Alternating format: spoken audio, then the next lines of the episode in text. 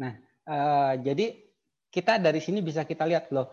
Kalau di rasanya kalau di daerah kita gitu ya atau di TV lah ya, untuk kategori pria tampan itu lebih ke perutnya six pack ya. kalau ini kita lihat perutnya besar sekali, mak disebut di sini bahwa the more belly you have, the more attractive you are. Jadi makin besar perut yang kamu punya di sana, makin menarik kamu di sana. Jadi bisa kita lihat eh, bahwa eh, standar di sana dengan di tempat-tempat lain beda. Nah, bagaimana dengan standar kecantikan? Eh, slide-nya rada lama ya. Nah, slide-nya lemah. Eh, bagaimana dengan standar kecantikan? Tadi itu kita lihat adalah standar pria yang dianggap keren di uh, suatu daerah. Kecantikan gimana? Ngomongin kecantikan, kita harus lihat wajah lah ya. Wajah seorang wajah-wajah wanita. Namanya cantik kalau cowok ganteng.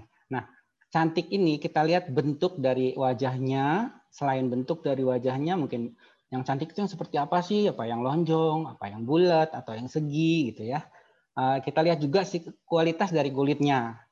Apa yang seperti apa yang cantik? Apakah kulitnya harus mulus? Apakah harus putih? Atau uh, atau nggak nggak harus putih? Coklat juga nggak apa-apa, bisa cantik. Gitu. Kalau menurut saya pribadi sih, kecantikan bisa datang dalam berbagai macam warna. Jadi jangan insecure. Kita, terutama orang-orang Asia, terutama Indonesia yang banyak sinar mataharinya, udah jelas kulit kita nggak bisa putih kayak orang bule. Tapi Eh, kecantikan bukan dari warna kulit. Itu yang saya eh, yang saya harus eh, tanam, tanamkan bahwa kecantikan itu dari kualitas kulitnya, glowing, warna bisa macam-macam, warna apa pun bisa cantik ya. Oke. Terus kita setelah membahas bentuk dan kualitas kulitnya, kita kita juga harus lihat bahwa ternyata kecantikan itu berbeda-beda di tiap negara, standarnya beda mau itu kecantikan di Amerika sana, di Eropa atau di Asia, di Indonesia ternyata nggak nggak sama gitu standar kecantikannya. Begitu juga dengan waktu. Orang yang zaman dulu dibilang cantik, standarnya seperti apa, beda dengan zaman sekarang. Bahkan zaman sekarang belum lama ini yang ada freckles-nya justru jadi tren ya. Oke, kemudian kita lihat nih. Ini membandingkan gambar yang untuk membandingkan antara eh, kecantikan wanita yang dianggap cantik di Asia dengan yang dianggap cantik di Barat, Western sana. Ada dua gambar ini ya. Yang satu ini Kim Kardashian, yang Asia saya kurang tahu siapa, tapi bisa kita bisa setuju bahwa ini cantik lah ya, masuk kategori cantik ya, masuk Pak Eko. Gitu. Terus yang ini Angelina Jolie. Nah, kita lihat di sini bahwa ada perbedaan antara yang dianggap cantik di Asia, di Timur, dengan yang dianggap cantik di uh, barat, western. Kita mulai lihat dari satu persatu dari atas ke bawah, dari kulitnya dulu. Yang dianggap cantik di timur, putih kulitnya, mulus. Sedangkan di barat, dia lebih kayak coklat. Kalau di sini ditulisnya bronze, seperti perunggu warnanya, gitu, agak gelap. Mereka lebih suka yang warnanya agak gelap.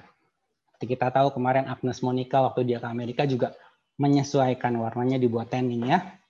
Kemudian yang dianggap uh, untuk di bagian alis, untuk di Asia bisa kita lihat di sini alisnya lurus, tebal dan lurus disebut straight thick eyebrows.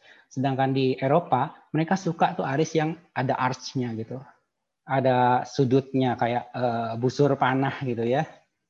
Nah, sedangkan mata kurang lebih Asia sebenarnya kan dari sananya sipit, tapi ternyata yang mereka anggap cantik juga yang lumayan besar matanya baru uh, dia mereka suka. Untuk hidung hampir sama, suka-suka hidup yang hidung yang slim, kurus, narrow gitu ya. Sedangkan bibir pada Asia dilihat di sini bibir atasnya suka yang tipis, eh, natural dibilang thin upper lip natural. Pada Eropa mereka suka bibir yang tebal, kayak kita lihat Kim Kardashian, Angelina Jolie bibirnya tebal sekali. Terus yang cukup prominent, cukup terlihat banget dari wajah mereka ini uh, orang barat ini adalah tulang pipinya. Tulang pipinya menonjol, tegas ya.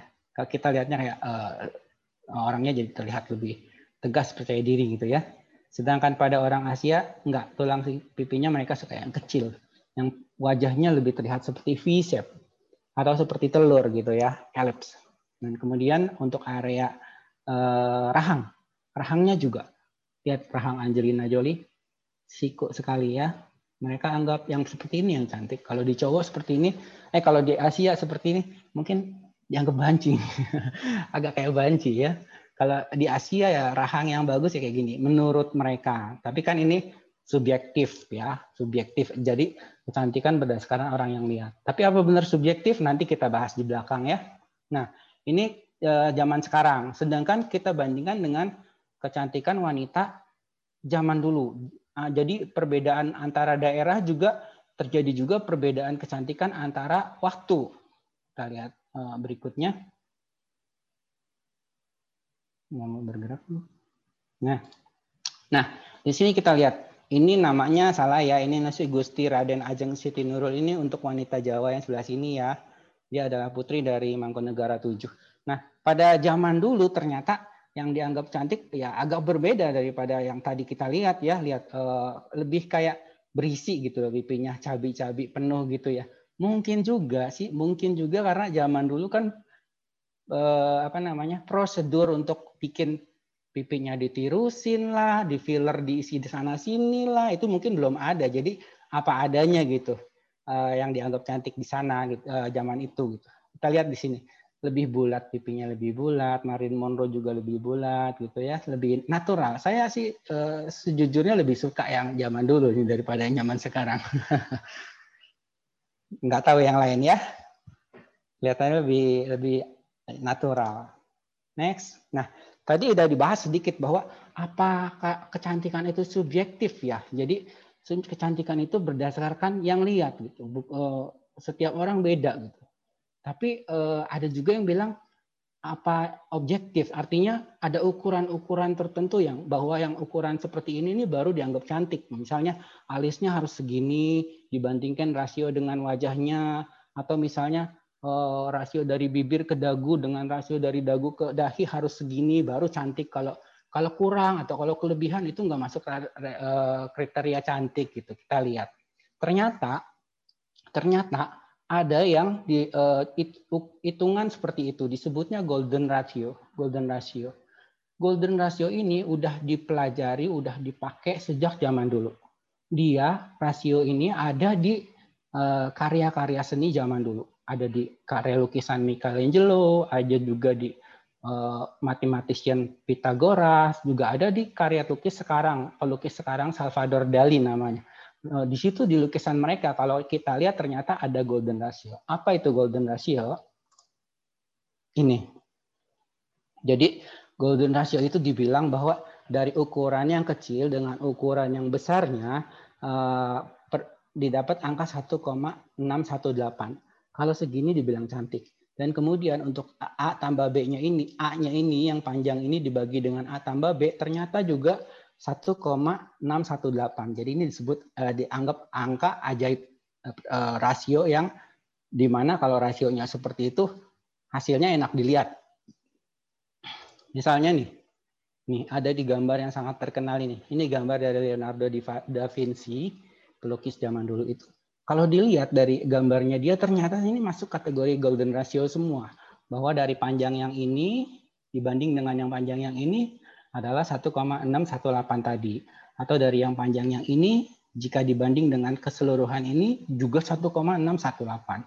Jadi ke, kalau menurut uh, golden ratio itu lukisan seseorang nih dari pinggang ke kaki, uh, dari pinggang ke kepala perbandingannya harus 1,618. Nah, ini bisa kita lihat di beberapa contoh golden ratio dari wajah cantik yang uh, terkenal. Misalnya pada wajah dari Natalie Portman, ini artis di Amerika. Dia dianggap wajahnya banyak uh, sesuai dengan golden ratio dan dianggap cantik. Begitu juga dengan Angelina Jolie dengan ukuran-ukuran dari misalnya dari uh, sudut mata matanya sampai ke pinggir 1,618. Dahi sampai ke mata dan mata sampai ke sini 1,618. Antara bibir eh, di sini dengan sampai ke sini juga 1,618. Jadi dianggap ada ukuran objektif yang bisa mendefinisikan seseorang itu cantik gitu. Tapi apa nah ini ada satu topeng di sini.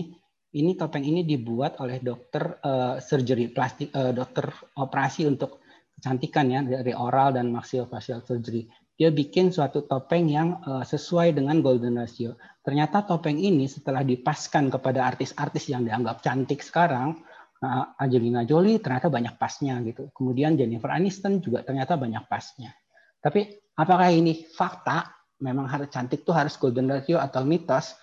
Ternyata pada artis-artis Asia yang uh, kayak artis di situ ada di satu artikel itu di jurnal yang saya baca itu di mereka ngangkat uh, artis Cina, Fan Bingbing namanya. Ternyata golden ratio ini nggak masuk ke, ke ke si artis ukuran wajahnya Fan Bingbing, tapi ternyata dia cantik gitu loh.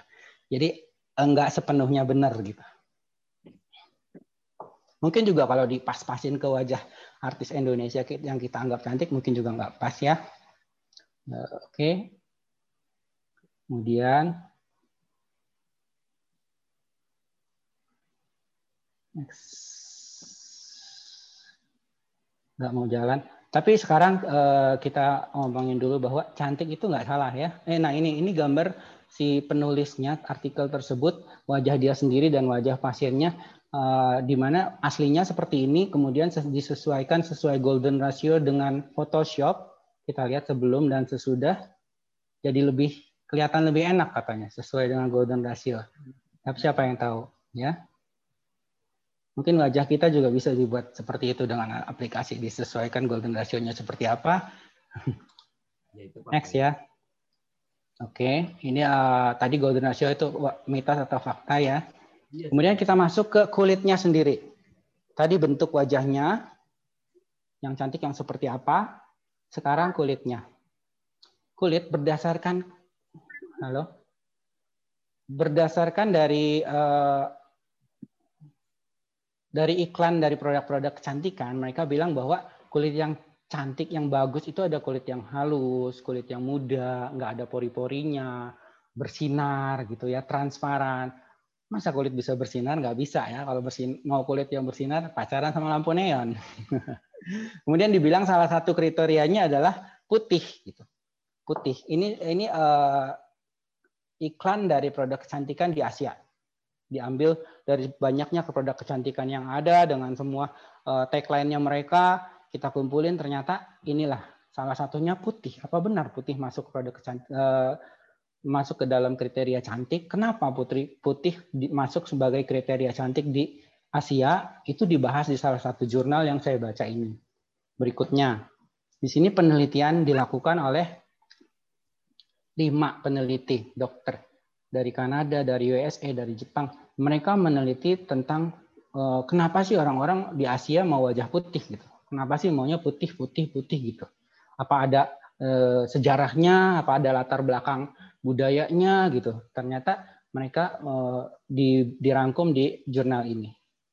Mereka mengambil contoh dari empat negara, empat negara yang ada di Asia.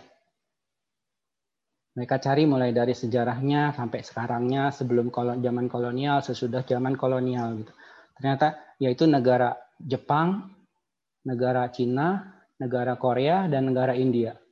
Di sana di negara-negara itu ternyata yang putih itu yang dianggap cantik gitu. Makanya uh, ditelusuri lah kenapa nih begitu gitu ya. Ini slide-nya belum maju. Nah, Eh, ternyata setelah mereka peneliti ternyata ada sebabnya tuh ada yang mendasarinya tuh ada waktu sebelum kolonial dan sesudah kolonial sesudah orang barat yang kulitnya putih itu pada masuk. Jadi ternyata sebelum orang barat yang kulit putih masuk mempengaruhi standar kecantikan, kita sendiri di Asia juga ternyata memang udah eh, apa namanya? pengen kulit putih gitu. Terlihat dari next. Nah, terlihat dari eh, peninggalan-peninggalan histori sejarahnya bahwa di India itu oh, gelap itu di, di, dilambangkan dengan kotor, ketidakmampuan, orang-orang kurang mampu, salah, neraka, sesuatu yang uh, enggak benar, dianggapnya hitam. Kemudian sebaiknya terang itu di, di Hindu dibilang white skin in Hindu culture dianggap sebagai putih itu di kulit putih di uh, culture Hindu dianggap sebagai cantik, pure, murni bersih dan kebahagiaan kayak gitu.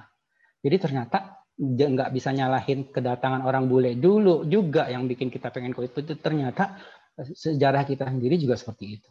Di Jepang juga begitu.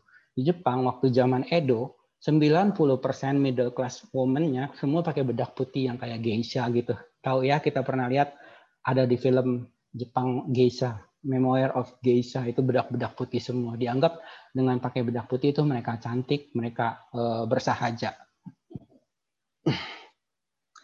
Waktu itu Jepang sebenarnya menutup dari uh, influ, uh, Western influence, dari pengaruh asing dari 1639. Kemudian 1853 orang Barat masuk. Commodore Perry sama anggota-anggota uh, kapalnya yang kulit hitam masuk ke Jepang. Di saat itu juga mereka mulai meng, mengador gitu, me, me, me, menyukai warna-warna kulit orang bule yang putih, terang, ya, suka gitu salah satu pengaruhnya kenapa mereka suka kulit putih setelah zaman kolonial. Sebelum kolonial pun sebenarnya udah. Begitu juga di Cina. Di Cina peninggalannya bahwa dewa-dewi yang digambarkan di lukisan Cina atau patung Cina itu warnanya putih. Seperti mutiara. Bahkan di sana eh, wanita-wanita mudanya itu saking ingin kulitnya putih, mereka makan mutiara ditumbuk jadi bubuk. Dianggapnya itu bisa bikin kulit putih ditambah lagi setelah tahun 1970 Shanghai Open Door. Jadi orang Barat bisa masuk ke Cina lewat Shanghai. Nah, budaya Barat yang masuk ke situ dianggapnya modern, dianggapnya superior, makanya mereka makin lebih pengen lagi seperti orang bule, jadi putih mukanya. Apa itu benar? Nanti kita bahas. Apa kulit putih memang superior dibandingin kulit hitam? Nanti kita bahas. Sebenarnya secara kulit dermatologis sebenarnya enggak. Kemudian di Korea. Korea juga sama ada tradisi samanisme di sana. Berasal dari Siberia. Siberia itu daerah di utara sana. Jelas kulitnya putih-putih karena di sana mataharinya ultravioletnya sedikit kan. Nah, jadi di sana kulit putih di, eh, di Korea ini di, di sangat dihormati kulit berwarna putih. Dianggapnya kata katanya superhuman pertama yang lahir di dunia itu berkulit putih. Makanya mereka sangat uh, menganggap kulit putih itu bagus. Begitu juga setelah uh, kolonial masuk pada 1876 westernized dianggap wanita-wanita yang berdandan seperti orang bule berpakaian seperti orang bule dianggap lebih keren. Next. Bagaimana dengan di Indonesia? Saya rasa di Indonesia juga kurang lebih sama ya. Dilihat ya dari iklan-iklannya dari eh, apa namanya banner-banner atau billboard-billboard itu iklan-iklan kecantikan produk kecantikan semua hampir semua ya, rata-rata kulitnya putih gitu.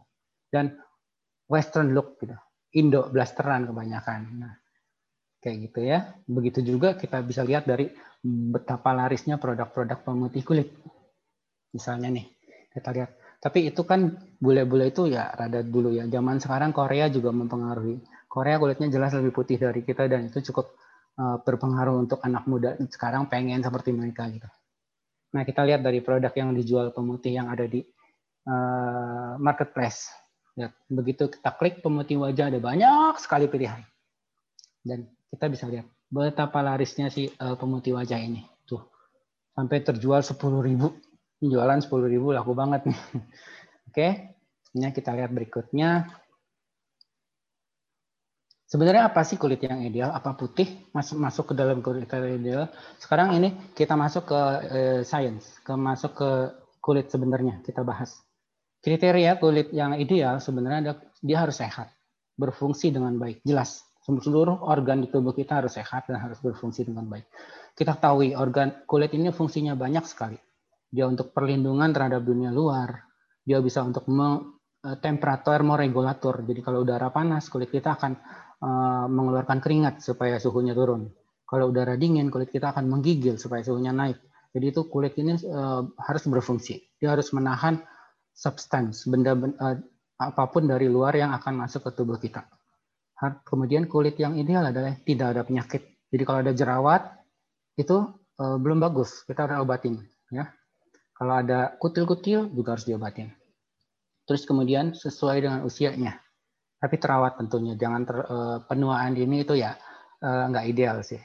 Penuaan dini kayak masih umur 40 misalnya kerutnya, kerutnya udah banyak banget. Masih umur 30 misalnya terus warna flek-fleknya udah banyak banget. Itu salah satu tanda penuaan dini. Terus kulit yang turun sagging itu juga tanda penuaan dini. Jangan khawatir zaman sekarang banyak sekali prosedur yang bisa dilakukan untuk menahan terjadinya penuaan dini. Tapi jangan terlambat. Sebisa mungkin mulai perawatan gitu. Mulai dari usia 20 udah bisa sebenarnya, tapi eh, penuaan sih umur 30 kelihatan ya. Kemudian uh, ini kriteria kulit yang ideal. Tapi sekarang ada tambahan sih, kita maunya lebih dong dari cuma ini doang. Sebenarnya ini doang udah sehat gitu ya. Tapi kita mau kulitnya putih, glowing gitu kan. Terus kita mau juga warnanya rata, nggak ada flek. Nggak mau ada uh, sunspot, edge spot, atau melasma, atau freckles. Nggak mau. Tapi freckles nggak juga sih beberapa saat yang lalu orang pengen freckles. Bisa pakai filter dari Instagram supaya ada frecklesnya. Kemudian kita maunya juga molos, uh, mulus mukanya ya. Kalau ada laler nempel kepleset gitu ya. Kemudian poreless, nggak ada pori-porinya. Apa mungkin nggak ada pori-porinya? Terus keringatnya keluar dari mana? Nggak mungkin ya. Jadi kalau sebenarnya kita lihat uh, iklan atau di Instagram atau di mana pun yang nggak ada pori-porinya, itu adalah Photoshop. Bohong, nggak mungkin. Next, jadi ya seperti itu tadi tapi nggak ada yang salah dengan menginginkan wajah yang cantik, wajah yang tampan, wajah yang menarik untuk banyak orang. Karena ternyata dari penelitian uh, mereka ini di luar sana dibilang bahwa wanita yang cantik, wanita yang menarik itu uh, status sosialnya akan lebih tinggi. Kemungkinan mereka mendapat pasangan akan lebih banyak. Kemungkinan bahkan sampai pendapatan money ekonomi mereka akan lebih tinggi yang berwajah cantik, yang berwajah menarik dibandingkan yang kurang. Itu ada jurnalnya, ada penelitiannya. Ya. Jadi nggak salah menginginkan wajah yang cantik, nggak salah menurut saya. Kita bisa usahakan. Kalau kalau bisa bisa usaha ya usahakan gitu. Karena kenyataannya dari jurnal seperti itu dikatakan akan lebih bahkan untuk e, mendapatkan pekerjaan lebih lebih tinggi kemungkinan dia untuk dapat pekerjaan kalau dia menarik. Nah ini kita lihat tadi uh, yang dibilang nggak ada por, nggak ada pori-pori, dibilang berkilau, dibilang hmm, mulus, tapi kenyataannya Photoshop sih, semua itu Photoshop kalau yang ditampilkan di eh, papan-papan billboard itu. Seharusnya sebenarnya enggak. Jadi sebenarnya dia ada spotnya, warna kulitnya juga nggak terlalu rata dengan Photoshop. Jadi jangan insecure. Ini yang bikin uh, psikologi orang-orang biasa yang melihat tampilan iklan jadi insecure. Oh kita kok begini, kok dia kok begitu gitu. Jangan ya, itu nggak benar. Mereka sebenarnya di Photoshop kok. Berikutnya, next. Nah ini kita kita ini keilmuan lagi, ini dermatologis, ini sains. Ini yang bikin warna dari kulit. Dia namanya melanosit, suatu sel. Dia ada di kulit kita. Ini susunan eh, potongan kulit kita, ini ada melanositnya. Melanosit ini yang menghasilkan warna kulit pigmen dihasilkan di dalam satu lubang bunder-bunder ini melanosom. Di dalamnya ada melanin. Dia akan dibawa ke, ke atas, melindungi keratinosit, sel kulit. Sisi hitam-hitam ini bukannya jelek. Dia ini melindungi sel kulit kita. DNA dari kulit kita terhadap serangan jelek, serangan radikal bebas dari ultraviolet, dari sinar matahari. Begitu kita terkena panas matahari, ini ultraviolet A dan ultraviolet B yang nyampe ke bumi, yang sampai ke tubuh kita, bisa merusak DNA kalau terpapar dalam jangka waktu yang panjang terus-menerus dengan indeks ultraviolet yang tinggi. Dia bisa merubah DNA dari sel kulit dan berubah jadi kanker. Bukan cuma kanker sih, mulai dari yang langsung efeknya saat terkena sinar matahari adalah sunburn, kebakar, melepuh kadang-kadang kalau lebih parah lagi. Kemudian setelah itu juga timbulnya flek hitam. Setelah itu kerutan. Sinar matahari ini akan merusak kolagen di bawah kulit.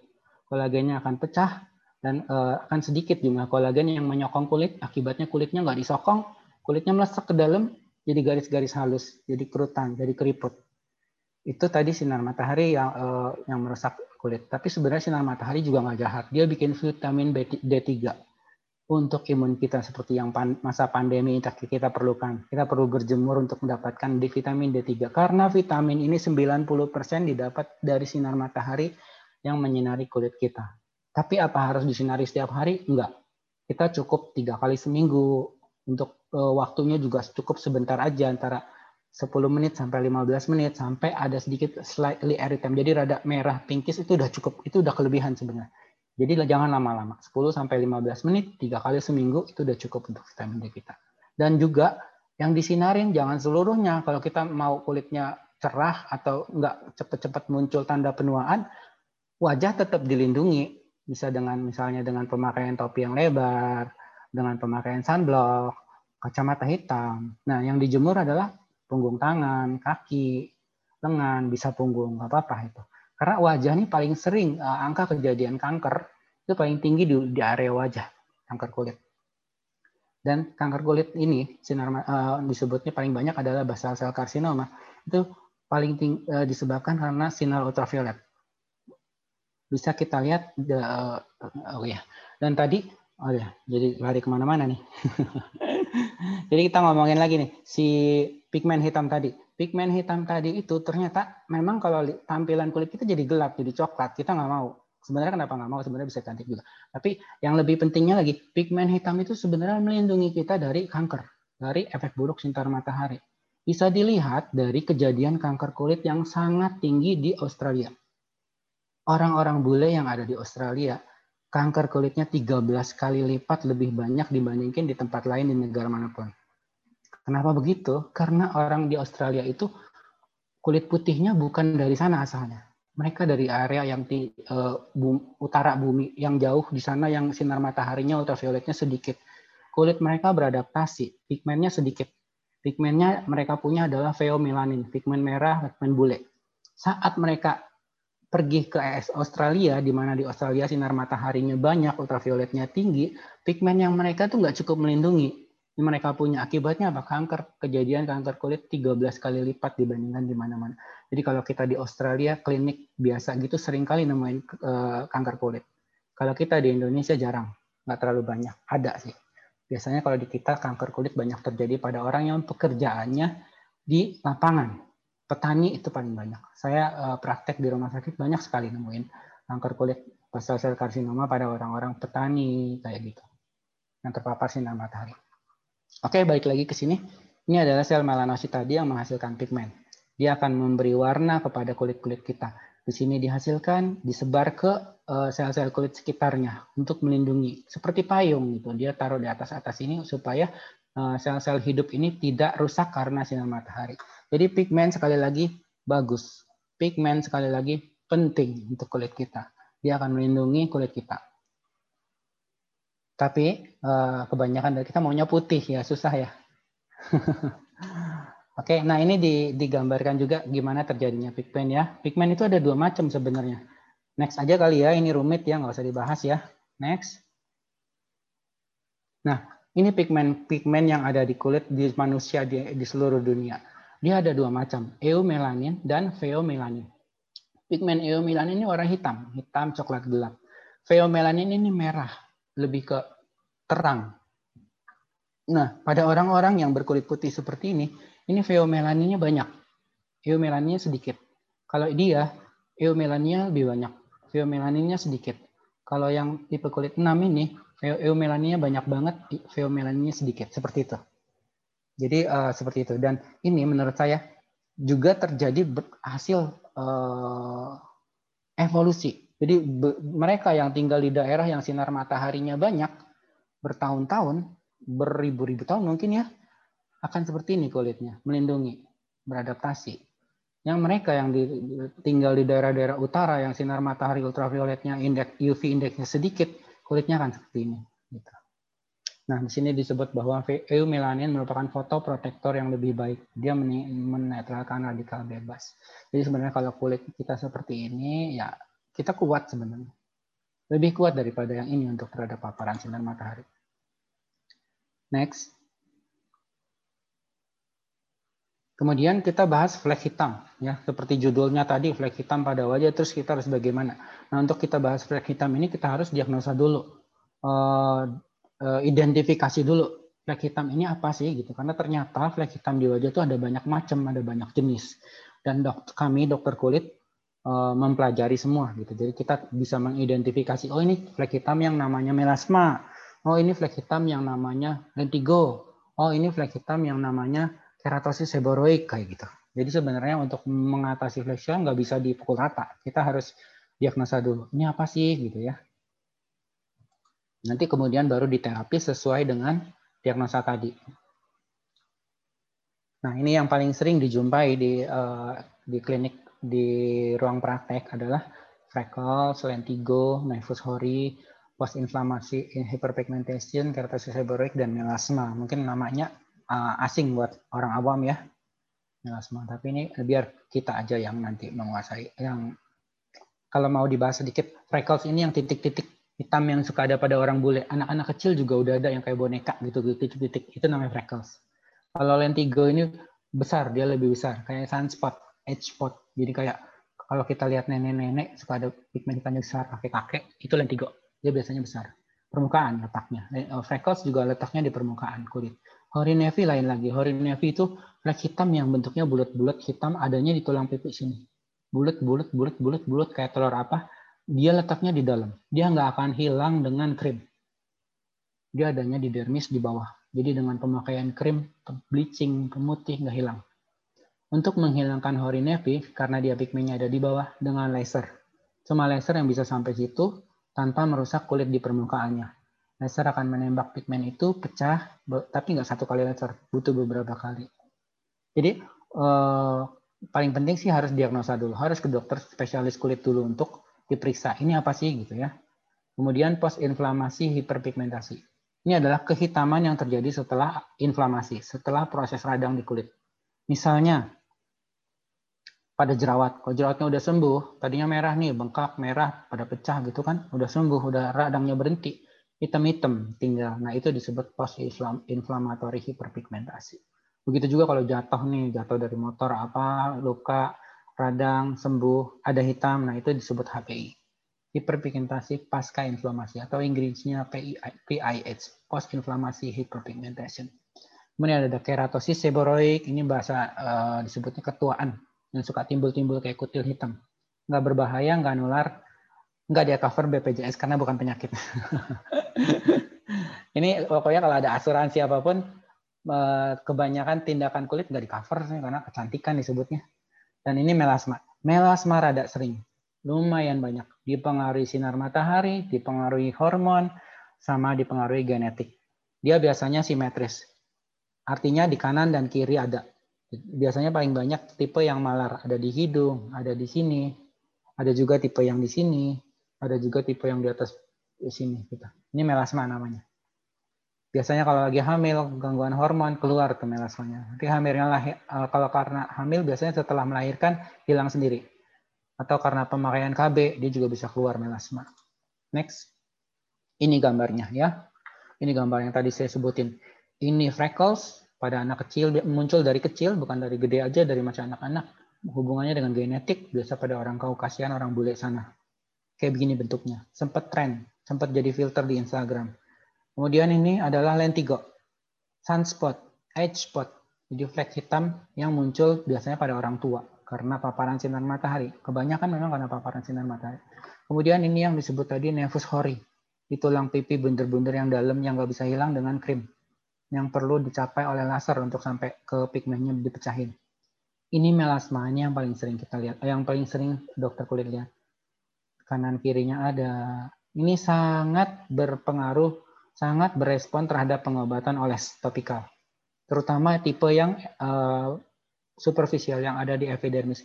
Melasma ini ada banyak tipe, ada yang tipe di permukaan, ada tipe yang di tengah, ada yang tipe yang lebih dalam. Jadi kalau untuk yang di permukaan lebih cepat hilang, sangat berespon. Dikasih oles obat-obat oles biasanya hilang. Ini yang disebut keratosis seborrheic, yang tadi kokoleten yang timbul di raba-teraba nih.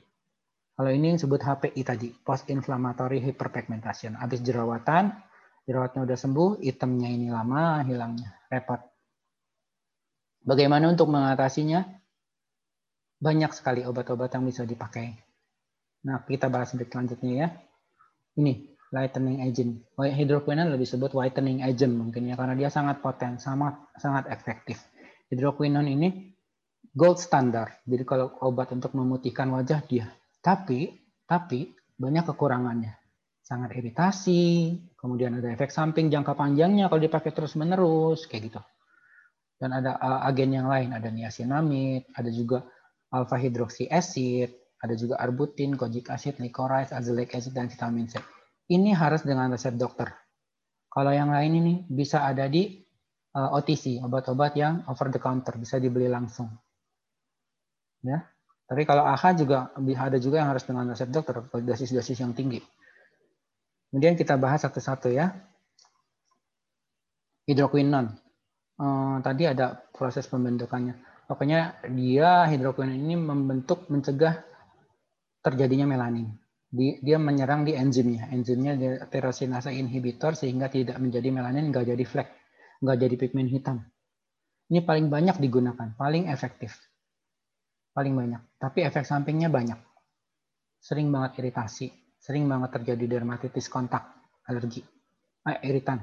Kemudian juga bisa juga sampai terjadi okronosis. Okronosis ini yang kawat, yang sangat mengkhawatirkan. Dia adalah flek hitam yang justru adalah kita pengen ngilangin flek dengan hidroquinon tapi ternyata terjadi okronosis. Okronosis ini flek di bawah dermis. Dia nggak bisa dicapai dengan obat-obat dan susah sekali untuk hilang. Kalau udah terjadi okronosis, eh, warnanya seperti keabu-abuan, justru timbul flek seperti keabu-abuan. Itu biasanya muncul pemakaian lama jangka panjang dari si hidroquinon. Setelah pemakaian berapa satu tahun atau lebih, beda-beda setiap orang. Kulit putih memakai hidroquinon akan lebih lama untuk terjadinya okronosis ini. Kulit gelap, kulit coklat, kulit hitam pakai okronosis, pakai hidroquinon akan lebih cepat terjadi okronosis. Hati-hati. Okronosis itu uh, tidak bisa hilang akhirnya. Justru jadi nanti timbul flek warna abu-abu. Ngeri. Cukup cukup ngeri. Mendingan gak. Uh, saya nggak ada gambarnya tadi ya, nggak nggak disiapin, sorry. Selanjutnya adalah niacinamide. Ini aman. Ini aman. Ini turunan dari vitamin B3. Banyak ditemukan di uh, makanan, ada di sumber-sumber alami dia bisa mencerahkan juga, tapi memang efeknya nggak sekuat dari okronosis tadi. Tapi okronosis tadi kan nggak ada di obat over the counter, nggak ada di kosmetik gitu, dan itu harus dengan resep dokter dan efek sampingnya banyak. Harus dengan pemantauan dokter. Kalau niacinamide nggak, dia aman. Kurang cara kerjanya kurang lebih hampir sama. Dia menah, meng, menghambat pembentukan pigmen. Ber, uh, tersedia di pasaran dari dosis yang uh, konsentrasi 2 sampai 5% cukup efektif. Kemudian ada juga alpha hidroksi acid AHA. Disebut juga acid ya, eh, apa namanya? asam asam buah. Ya karena asalnya AHA ini satu glo, satu kelompok, satu kelompok alpha hidroksi acid. Ada alpha, ada beta, ada poli. Yang alpha khusus alpha sendiri ini dia hidrofilik. Jadi dia uh, di, de, larut dalam air. Jadi dia untuk bisa fungsinya adalah untuk diskohesi epidermal. Jadi mengelupaskan kulit gitu. Jadi eh, kulit-kulit tua, kulit-kulit mati, tumpukan-tumpukan di permukaan bisa disingkirin. Jadi terjadinya desquamasi keratin. Oh, jadi mengganti kulit dengan kulit yang lebih baru, lebih bagus gitu ya. Kemudian uh, ya AHA ini asalnya dari buah-buahan, dari banyak tumbuhan. Ada yang glycolic acid itu dari tebu. Ada juga yang namanya mandelic acid dari almond. Ada yang malic acid dari uh, apel macam-macam tapi kan udah di udah diproses sehingga kadarnya udah bisa kita uh, tentukan dan kita bisa ukur berapa yang harus dipakai kapan uh, kalau ketinggian nggak boleh ketinggian itu lebih bagus ya. Jadi benar-benar udah jadi obat lah terus kemudian pemutih yang lain pencerah yang lain ada arbutin arbutin ini dari sebuah berry disebutnya beer berry dia ini sebenarnya hidroquinon uh, prekursor dari hidroquinon. Dia masuk diserap ke kulit sampai di kulit dia berubah jadi hidroquinon juga. Jadi mencerahkan kulit juga. Kemudian ada kojic acid. Dia dari jamur, dari fungi, aspergillus sama penicillinase dia. Membentuk sama juga, mencegah terjadinya pigmen hitam. Ada juga dari ekstrak licorice, disebutnya kayu manis, tapi uh, bukan kayu manis seperti yang di Indonesia. Saya lihat di Google gambarnya bukan seperti itu ya. Berarti disebutnya seperti itu dari tambuhan dia aman, efek sampingnya sedikit, tapi ya kurang efektif sih ya. Kemudian ada lagi azelaic acid. Azelaic acid ini lucu. Dia dari jamur yang ada di kulit kita, jamur normal yang ada di kulit kita, P. ovale. Dia mencerahkan. Tahu nggak P. ovale ini ada di mana? Dia ada di panu. Yang ada di panu itu ada jamur itu dan itu diambil sedikit. Uh, ternyata dia mengandung azelaic acid, makanya warnanya putih. Itu yang diambil jadi bahan aktif untuk memutihkan kulit. Eh, kemudian ini ada kemudian pencerah yang lain adalah vitamin C. Vitamin C ini juga pencerah, pemutih. Cara kerjanya dia proteksi terhadap sinar, terhadap foto proteksi terhadap pada kulit. Makanya dia bagus dipakai eh, pagi, eh, siang sebelum sunblock. Serum vitamin C dulu, nanti kemudian terakhirnya pada sunblocknya itu dia eh, bagus lah foto proteksi dia. Sampai kekurangan dari vitamin C ini, eh ini jadi saya yang bahas, enggak apa-apa. Kekurangan dari vitamin C ini adalah dia kurang stabil sama sangat fotosensitif Makanya botol-botol serum vitamin C biasanya warnanya hitam. Karena kalau dia kena sinar, dia berubah. Akhirnya nggak aktif lagi gitu. Dan dia akan lebih bagus digabungkan dengan vitamin E untuk uh, efek yang lebih sinergi. Dia juga cara kerjanya sama, juga menghambat pembentukan pigmen ya, inhibit tyrosinase. Kemudian juga selain itu efek dari vitamin C ada juga dia bisa bikin kolagen. Jadi kulitnya jadi lebih kenyal dia masuk ke bawah membentuk kolagen selain dari pigmen. Terus kemudian antioksidan. Antioksidan yang kita tahu dari Soho ini karena yang eh, mengadakan adalah PT Soho yang udah terkenal dari dulu beberapa tahun yang lalu adalah astaxanthin ya. Astaxanthin ini di, kita tahu antioksidan yang sangat kuat ya. Efeknya sangat bagus untuk kulit. Mengurangi garis halus dan flek hitam, meningkatkan elastisitas kulit, memperkuat lapisan kolagen kulit, meningkatkan kelembapan kulit seperti antioksidan yang lain. Dia uh, memperbaiki kerusakan yang disebabkan oleh radikal bebas dari sinar matahari yang merusak kolagen, dari polusi udara, dan lain-lain. Rokok, sebaiknya jangan merokok. Kalau merokok penyakitnya banyak.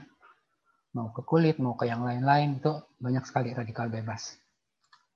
Kemudian, ini astaxanthin, ini ada researchnya, ya diambil dia dari alge, dari jamur, disebut superfood uh, dibilang the hottest algae today, oh, alga yang paling hot. Oke.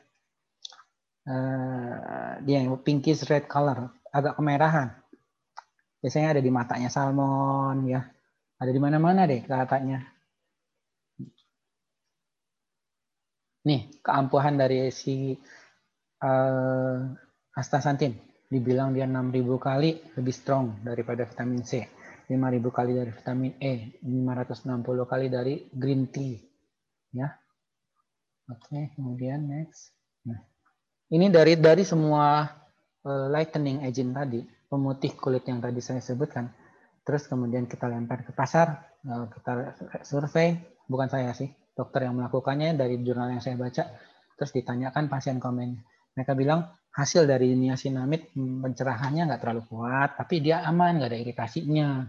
Vitamin C juga menurut pasien loh ini ya, bukan hasil yang objektif. Kalau objektif ada ada pengukuran sendiri sebenarnya. Ini apa yang pasien rasakan. Kemudian untuk kojic acid dibilang iritasi sedikit. Kemudian arbutin kurang poten, nggak terlalu kuat dibandingin kojic acid untuk memutihkan kulit.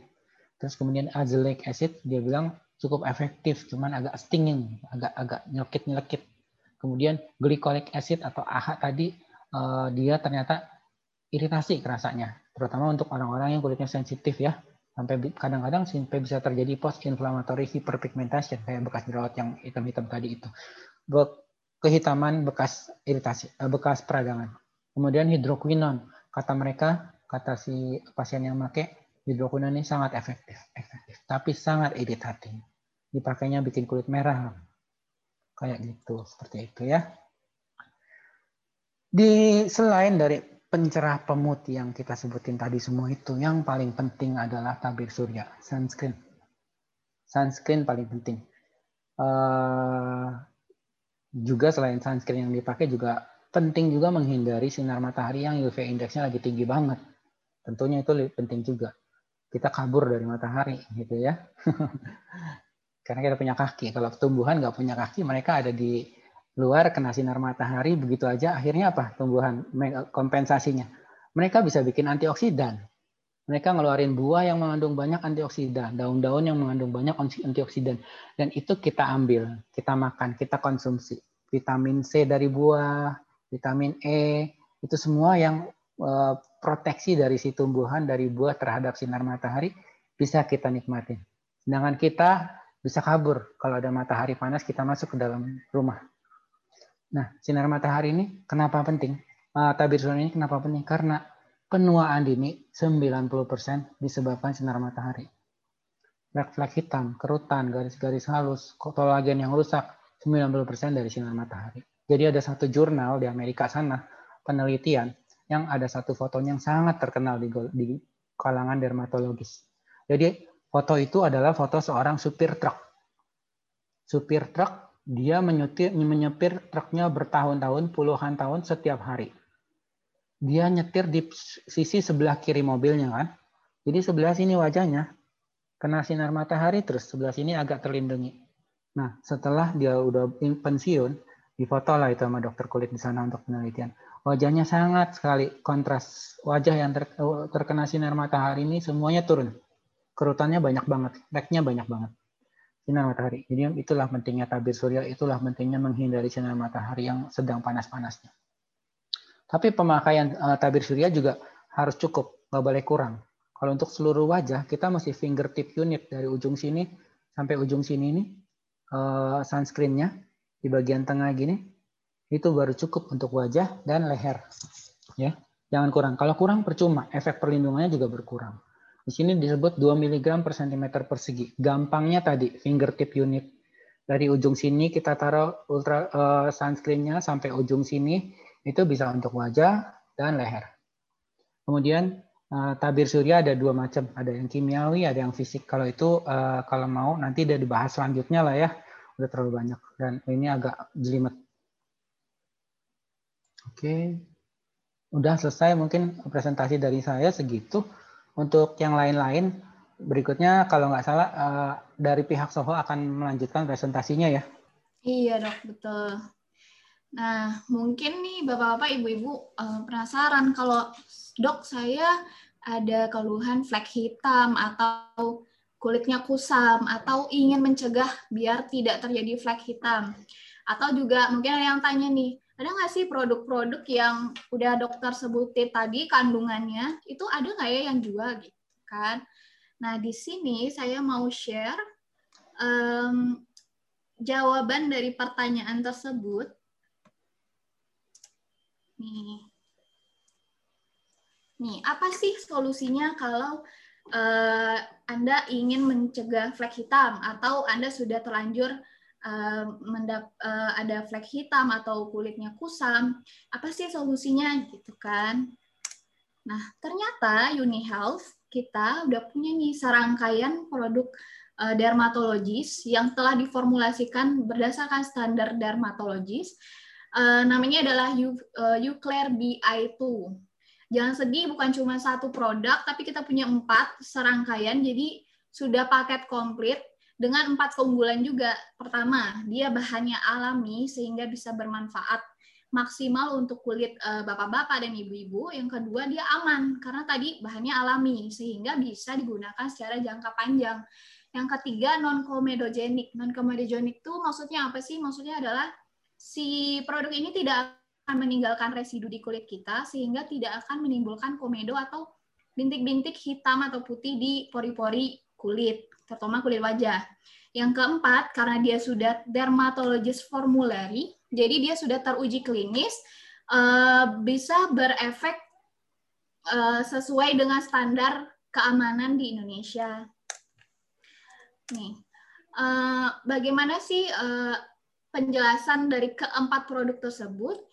Yang pertama, tadi sudah saya bilang kalau produknya sudah aman. Yang kedua, kita tuh menargetkan agar produk ini bisa efektif mencerahkan dan mengurangkan mengurangi bintik hitam di wajah bapak-bapak atau ibu-ibu.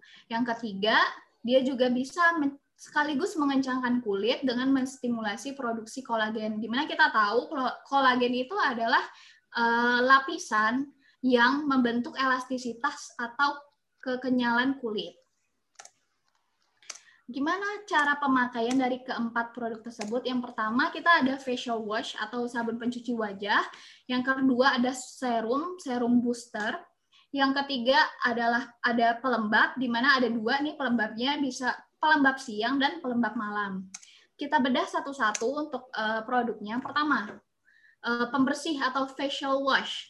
Jadi ya sesuai dengan namanya dia bertujuan untuk membersihkan wajah secara menyeluruh dari kotoran dan minyak-minyak yang berlebih tanpa menjadikan kulit wajah yang kering. Itu yang penting karena beberapa produk pembersih wajah sama-sama kita tahu bahwa uh, kadang dia bisa berefek menjadi wajah menjadi kering. Jadi sehabis dia cuci muka wajah berasa ketarik dan kering. Kalau untuk si facial wash BA2 ini uh, tentunya tidak karena dia mengandung AHA DMAE, dan aloe vera ekstrak yang bisa menjadikan wajah menjadi bersih dan cerah sekaligus mengencangkan kulit wajah Anda.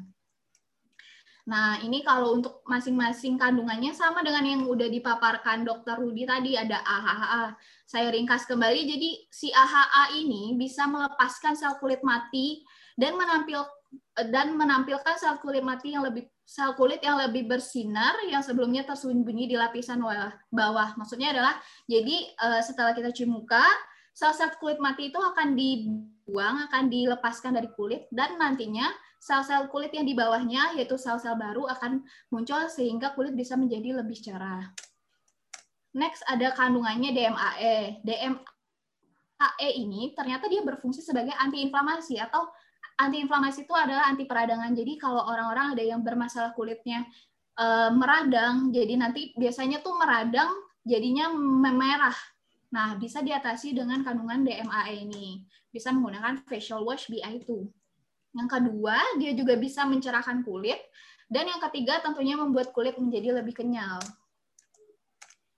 Nah, kandungan ketiga dari si facial wash ini adalah untuk uh, ya adalah aloe vera di mana sekarang tuh lagi happening banget kandungan aloe vera di mana kalau kita uh, tahu fungsinya adalah pertama juga sebagai antiinflamasi, dua mencegah penuaan dini dan tiga melembabkan kulit. Jadi kerjanya bersama nih satu ketiga kandungan tadi itu bekerja sebagai antiinflamasi, mencegah penuaan dini atau mencerahkan kulit dan penambahannya melembabkan kulit. Jadi tidak akan membuat kulit menjadi kering.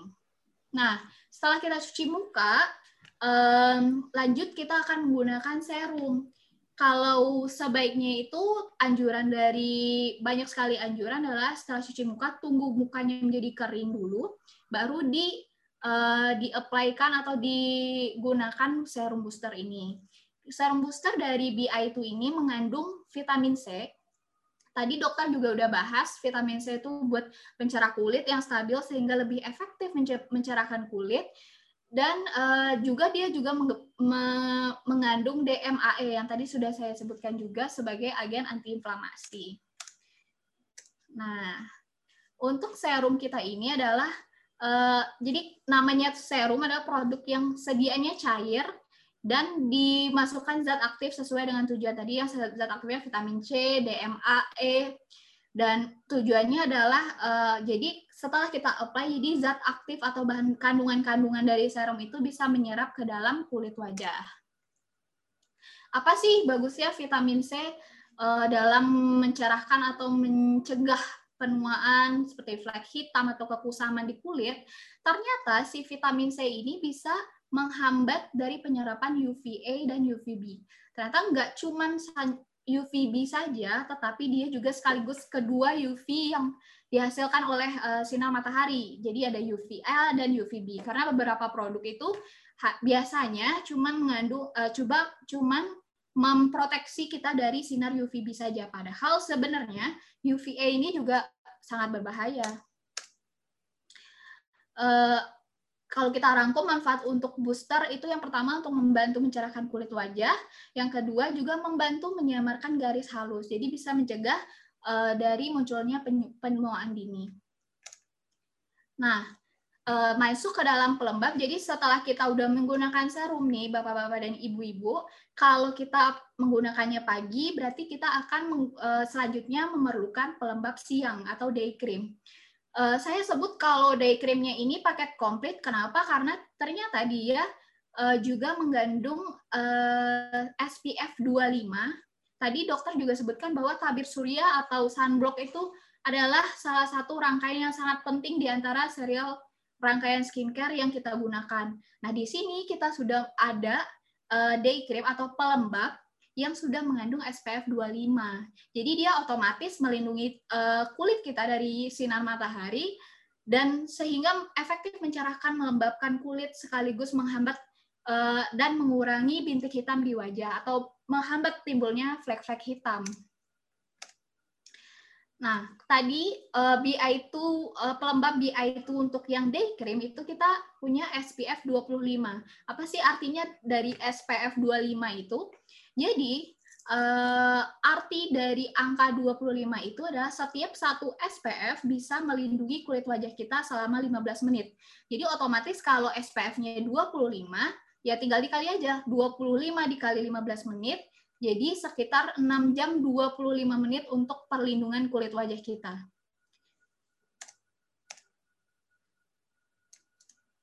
Nah, kalau uh, ini yang tadi adalah untuk rangkaian penggunaan siang hari saat bekerja, ke sekolah atau kegiatan aktivitas-aktivitas yang dilakukan di siang hari. Nah, selanjutnya untuk uh, rangkaian skincare atau rangkaian uh, perawatan kulit di malam hari tadi kita bisa cuci cuci muka dengan facial wash BI itu, selanjutnya dilanjutkan tetap dilanjutkan dengan serum booster. Nah, yang ketiga kita ganti pelembab siang tadi dengan pelembab malam. Karena pelembab malam kita ini mengandung juga mengandung zat aktif untuk pencerah wajah. Yang pertama dia pencerah alami dari arbutin. Tadi juga sempat dibahas sama dokter Rudi. Jadi arbutin ini kan pemutih alami dari buah berberry. Dan yang kedua, selain arbutin ditambah lagi nih sama vitamin C. Dan yang ketiga, dia juga punya exfoliating agent atau pengeksfoliasi untuk mengangkat sel kulit mati dan mencegah kekusaman. Jadi udah sudah dia mencerahkan, dia juga sekaligus mengangkat sel kulit mati kita sehingga bisa uh, kulit menjadi lebih cerah, udah nggak kusam lagi.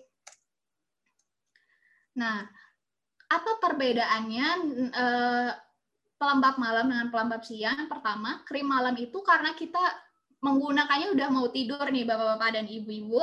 Jadi dia akan mengandung banyak moisturizer dan biasanya teksturnya lebih berat karena dia kandungannya tuh lebih rich atau lebih kaya.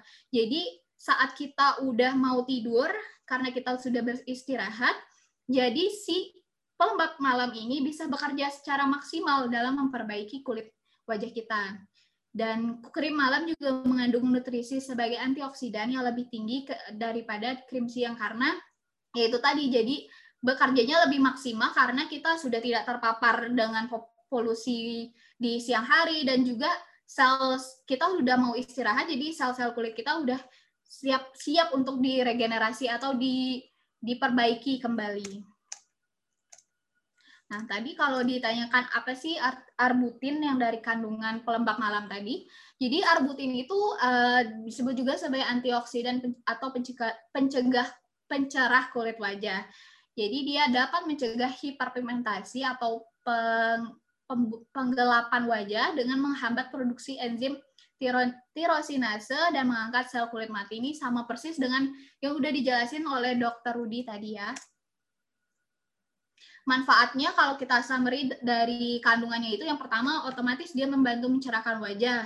Yang kedua, dia membantu mengelupas pengelupasan sel kulit mati. Yang ketiga, dia menstimulasi atau meregenerasi pertumbuhan sel-sel kulit baru dan yang keempat, dia menjaga kelembapan kulit. Nah, jadi kesimpulannya apa?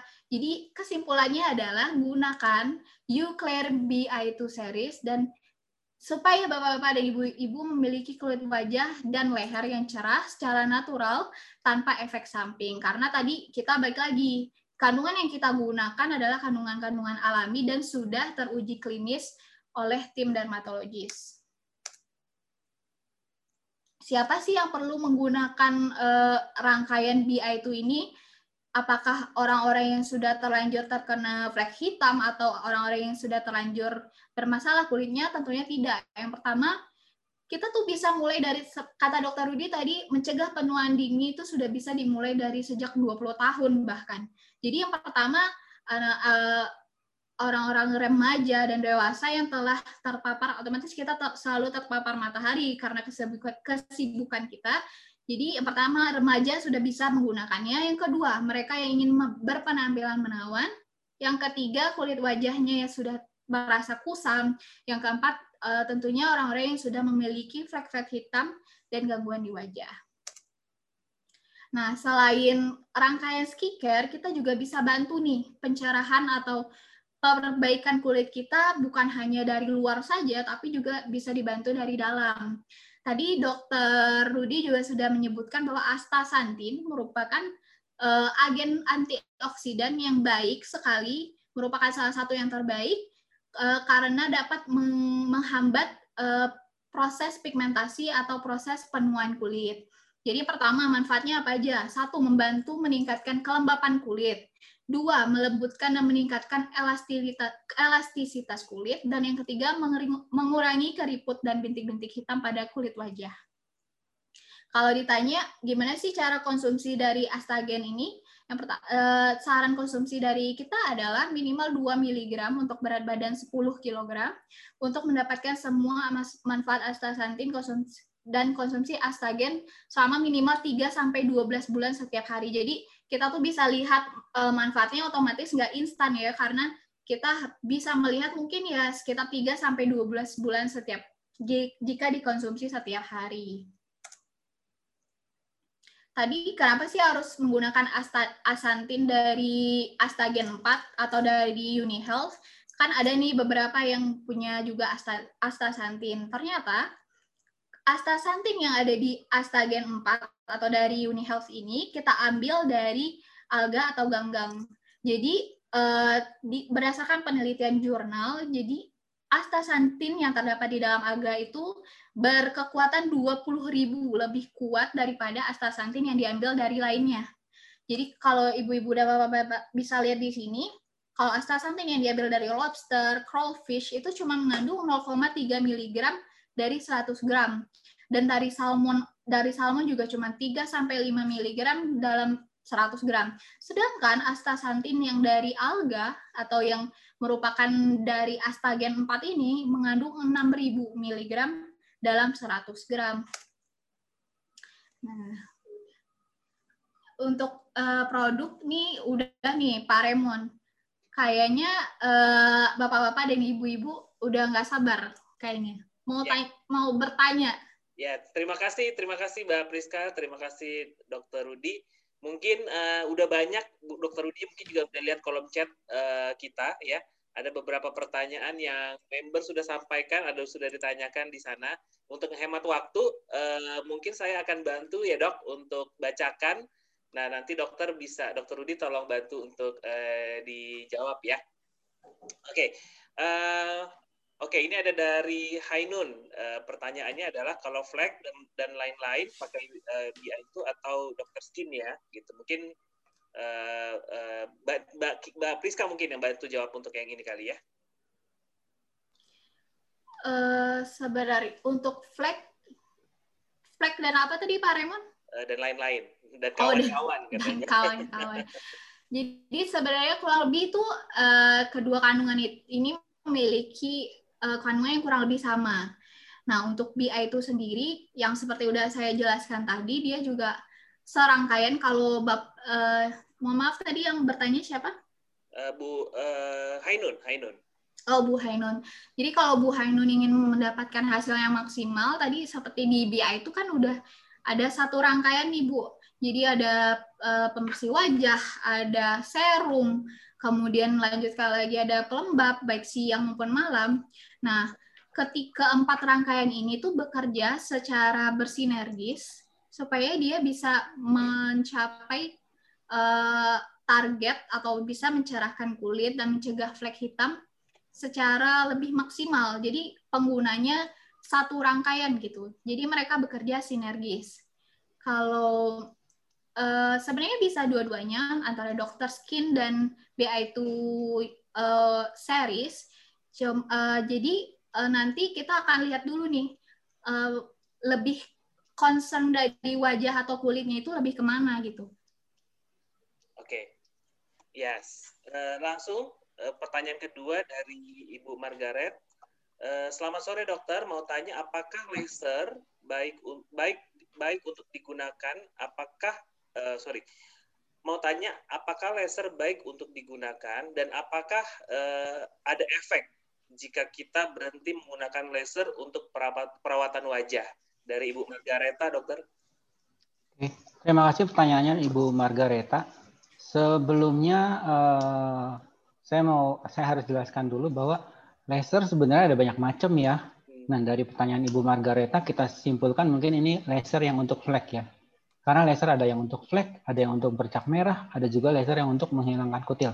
Nah kalau laser yang untuk flek ini kalau di klinik sering juga disebut sebagai laser rejuvenation. Benar ya Bu ya? Yang untuk memicu kolagen juga untuk mencerahkan wajah itu sebenarnya apakah aman digunakan untuk uh, apa kalau berhenti penggunaan laser akan tidak ada efek macam-macam.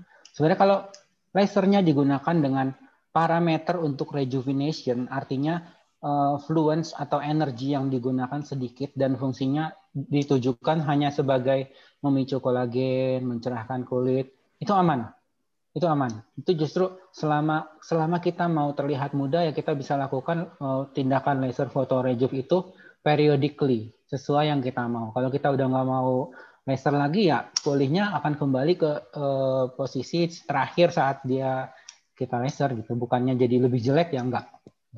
Tapi tapi juga harus diperhatikan. Kalau ternyata wajahnya ada kondisi sesuatu yang nggak cocok untuk laser ya jangan. Kalau wajahnya baik-baik saja, nggak ada penyakit, nggak ada melasma, nggak ada jerawat, di laser dengan uh, parameter yang ringan hanya untuk meremajakan itu nggak apa-apa, sama.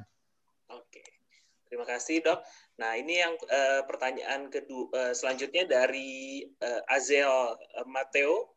Uh, sore dokter, izin bertanya apakah uh, okronosis dapat hilang dengan terapi laser? Ini mungkin berhubungan dengan laser lagi nih dok.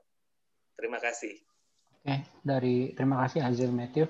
Jadi kan okronosis yang tadi kita bahas ya, dia merupakan efek samping penggunaan hidroquinon jangka panjang. Jadi justru nanti ada eh, deposit dari uh, apa pigmen-pigmen khusus yang ada di bawah kulit di dermis. Nah itu tidak bisa hilang dengan laser. Justru dengan tindakan laser kadang-kadang panas yang dihasilkan justru bikin uh, menjadi lebih gelap malah nggak bisa. Okronosis agak sulit ya. Dengan laser, dengan krim, dengan apa pun agak sulit untuk hilang. Makanya sebaiknya eh, kita harus benar-benar ekstra hati-hati kalau menggunakan hidroquinon. Sebaiknya di dalam monitor dari dokter ya. Iya, oke. Okay. Eh, selanjutnya uh, pertanyaan dari uh, Ibu Rusyani Eli. Hidrokinon aman nggak sih dok digunakan atau harus dengan resep dokter? Oh, jadi keamanan hidrokinon juga tergantung, terima kasih Bu Rusiani, tergantung juga dari kadarnya ya. Kadar yang diperbolehkan 2 sampai 4 persen. Tapi uh, dokter Klikman yang menemukan formula, Klikman di Amerika sana untuk mencerahkan kulit, dia pakai 5 persen, tapi dicampur, dikombinasi dengan uh, tretinoin untuk membantu uh, mengurangi efek jelek dari hidrokinon sama uh, steroid, dia pakai steroid juga. Nah, tergantung kadarnya juga. Kalau kadarnya tinggi akan lebih cepat untuk terjadinya okronosis tadi. Kalau kadarnya lemah, eh, rendah akan lebih lama untuk terjadi okronosis. Juga tergantung lagi dari tipe kulitnya. Kalau tipe kulit yang cerah, dia dengan okron untuk terjadinya okronosis akan makan waktu lebih lama. Jadi kadang-kadang tipe, kulit putih gitu ya kan kulit dibagi jadi enam tipe kalau berdasarkan ilmu kedokteran kulit. Nah, kalau tipe kulit satu itu pakai akronosis dua tahun atau lama nggak apa-apa. Tapi kalau kita di Indonesia kan tipe kulitnya tipe kulit empat, tipe kulit lima ya. Nah itu akan lebih cepat terjadinya akronosis. Kalau di yang kita yang saya baca di jurnal kemarin anjurannya ya 3 sampai 12 bulan aja, jangan lebih. 3 sampai 12 bulan ya, Dok ya? Iya, pemakaiannya. Oke. Selanjutnya eh, pertanyaan dari Ibu Juliana, Dok. Eh, ini dari Kalimantan Barat nih. Selamat sore dokter, mau tanya jika flek hitam yang membandel solusinya bagaimana? Ini membandel nih dok. Gak boleh digebuk ya dok. Kalau Julian, kalau fleknya bandel panggil emaknya. Enggak. Jadi uh, flek bandel sebenarnya seperti yang uh, slide yang tadi saya jelasin. Kalau flek ngobatin flek juga kita harus diagnosa dulu fleknya ini apa kan fleknya ada banyak macam tuh dari lentigo, dari uh, freckles, dari melasma. Kita anggap ini melasma karena melasma tuh bandel memang. Kalau freckles tuh atau yang lentigo yang lain-lain sekali treatment ke dokter biasanya hilang. Melasma hilang timbul, susah untuk hilang banget. Nah, solusinya ya uh, memakai lightening agent tadi, tapi juga harus perhatikan ke kelebihan kekurangan, efek-efek jangka panjangnya gitu ya. Eh, sebaiknya sih konsultasikan ke dokter SPKK dan terus eh, minta apa, apa artinya ya tektokan gitu loh. Dok, saya posisinya udah di mana, ini udah berapa lama, harus gimana seperti itu. Karena selain dari krim-krim yang dipakai, banyak juga tindakan yang bisa dilakukan. Misalnya kalau fleknya cuma di permukaan, bisa dengan pengelupasan kulit, peeling gitu ya. Kalau fleknya ada di dalam, bisa dengan laser. Tapi laser juga nggak bisa untuk semua flek. Kalau flek-flek yang melasma ini justru sangat sensitif terhadap laser. Kalau kita laser dan dia bikin kulitnya panas, melasmanya justru lebih gelap nantinya. Jadi uh, Kesimpulannya konsultasi sama dokter kulitnya aja. Oke. Iya, itu dari Bu Sri Ritonga ya. Uh, sorry ya, uh, dari Bu Julian Juliana. Juliana. Ya. Nah, selanjutnya dari Bu Sri Ritonga, Dok. Dok, uh, flek hitam uh, lebih bagus ngilanginnya pakai apa? Uh, laser kah atau uh, filling kah? Mana yang lebih lebih bagus? Tergantung tadi sih ya. Flek hitamnya itu diagnosanya apa? Dan juga uh, lokasinya kalau flek hitamnya misal karena hiperpigmentasi uh, pasca inflamasi gitu ya kehitaman yang terjadi karena peradangan kalau permuka letak pigmennya ada di permukaan mungkin dengan peeling bisa hilang. Dan peeling kan relatif lebih uh, apa ya efek sampingnya lebih kecil atau tindakan yang nggak terlalu ngeri gitu ya. Laser kedengerannya aja ngeri tapi sebenarnya kalau kita atur parameter yang benar ya nggak ngeri Nah, laser itu keunggulannya bisa lebih mencapai flek yang lebih dalam daripada peeling. Peeling dia cuma permukaan dan dia uh, mengikuti dengan pergantian kulit. Kulit kan tumbuh dari bawah ke atas dan dibuang gitu ya. Dengan tindakan peeling akan mempercepat gitu pergantian kulit tadi. Nah, kalau laser, lasernya akan masuk ke bawah kulit uh, sampai uh, titik tertentu di mana pigmennya ada di situ, dia pigmennya akan menyerap si energi dari laser dan dia pecah. Gitu. Sedangkan laser ini keunggulannya dia mono monokrom. Jadi dia hanya berefek terhadap targetnya, terhadap pigmennya. Sel-sel kulit lain di sekitarnya, eh, walaupun energi lasernya masuk, dia nggak terlalu berefek. Jadi aman. Jadi tadi kalau untuk uh, permukaan peeling bisa jadi pilihan karena dia uh, dia relatif suatu tindakan yang lebih biasa dilakukan gitu ya. Kalau fleknya agak dalam dan nggak bisa dipiling ya laser. Tapi juga fleknya yang mana ada flek yang nggak bisa dengan laser, oke? Okay? Itu ya. Wow. Eh, semoga terjawab ya Bu Sri Ritonga ya. Nah selanjutnya uh, dari uh, Zayan Adli ya, uh, flek hitam menahun di tulang pipi kiri kanan. Apakah cocok dengan uh, apakah cocok dengan produk ini dok? Oke, okay. Jayan Jayan Adli ya. Ya. Uh, sebenarnya harus kita diagnosa dulu di ke dokter kulit dulu dilihat itu flek hitamnya yang mana gitu ya. Kalau flek hitamnya kalau berdasarkan slide saya yang tadi, tulang pipi kanan kari, titik-titik bunder-bunder, mungkin itu nevus hori. Tapi belum tentu, karena melasma juga bisa ada di sini juga. Makanya harus didiagnosa dulu. Nah, kalau dia ternyata melasma, bisa dengan uh, lightening agent seperti yang tadi disebutkan, azelaic acid, bisa berkurang. ya Bisa membantu. Pertama sunscreen juga dipakai. Tapi kalau flek hitam yang nevus hori, yang letaknya di dalam, mungkin dia akan mencerahkan wajah keseluruhan tapi hilang cuman jadi sedikit aja. Jadi nggak terlalu kelihatan lagi gitu aja tapi tetap ada. Cuma bisa dengan kalau letaknya dalam itu cuma bisa dengan laser. Oke dengan laser berarti ya. Dok ya kalau memang ya. ada solusi terakhir ya. Oh, iya. Oke dari selanjutnya dari Puji eh, tipe kulit berjerawat sampai ke punggung tapi bekas jerawatnya lama hilang. Apa yang harus dilakukan dok Bekas jerawat bisa hitam, bisa merah, bisa bolong, bisa scar. Nah, kalau yang dianggap kalau kita sekarang lagi ngebahas flek ya, mungkin yang kita anggap aja bekas jerawatnya tadi yang hitam ya. Hitam di punggung di mana-mana lama hilangnya. E, banyak yang harus bisa dilakukan. Di antaranya produk-produk yang tadi kita sebutkan, bahan-bahan aktif yang tadi kita sebutkan, lightening agent itu bisa kita pakai. Pilih yang mana nanti ke dokter kulit bisa disesuaikan yang mana yang dibutuhkan. Selain itu bisa juga dengan tindakan-tindakan yang disebutkan saya sebutkan sebelumnya, peeling. Dengan tindakan peeling, pergantian kulit akan lebih cepat, flek-flek yang ada di permukaan akan terangkat. Bisa dengan peeling juga. Oke. Selanjutnya dok dari Nur uh, uh, Bu Nur Fadilah mau tanya dokter kalau mukanya sudah penuh flek semuka nih karena minum pil KB tapi belum bisa juga berhenti minum pil KB-nya. Itu bagaimana cara mengatasinya, dokter? Terima kasih. Sebenarnya nggak semua pil KB yang bisa menyebabkan flek hitam. Jadi bisa kita pilih pil KB yang nggak menyebabkan flek hitam. Nanti konsultasikan ke dokternya aja, dok, pil KB mana sebenarnya harus dianjurkan supaya dia lebih bagus gitu. Maksudnya nggak bikin flek hitam, nggak bikin jerawat gitu ada. Saya nggak bisa sebutin merek. Iya, iya benar. Dari nih, dari Mbak Ella, Melawati ya.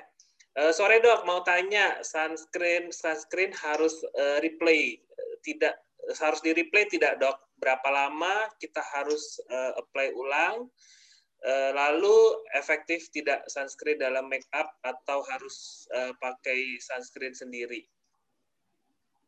Jadi sebenarnya untuk sunscreen di Indonesia uh, yang yang dianjurkan SPF-nya SPF 30 biasanya kalau yang campuran dalam makeup dalam foundation SPF-nya nggak sampai segitu. Jadi ada baiknya pakai tetap pakai juga sunscreen. Dan harus reapply atau enggak harus reapply. Kalau enggak dia udah nggak efektif lagi. Jadi sunscreen itu ada kimiawi dan fisik dan dia uh, bahan aktifnya akan berkurang. Dan harus kita reapply ulang supaya dia tetap efektif. Dan jumlah yang dipakai juga harus cukup berapa lama reapply-nya tergantung juga. Kalau kita di dalam ruangan bisa Hmm, dua jam eh empat jam gitu ya. Dua jam empat jam. Kalau di luar ruangan bisa lebih cepat. Apalagi kalau kita banyak aktivitas berkeringat dan sunscreen yang kita pakai runtuk uh, luntur bisa dipakai. Cuman ada juga teknik uh, yang ter, yang dicoba sama mereka di sana untuk pengulangan. Kan repot udah pakai make up terus diulang lagi gitu ya. Yeah. make up lagi pakai make up lagi siang-siang.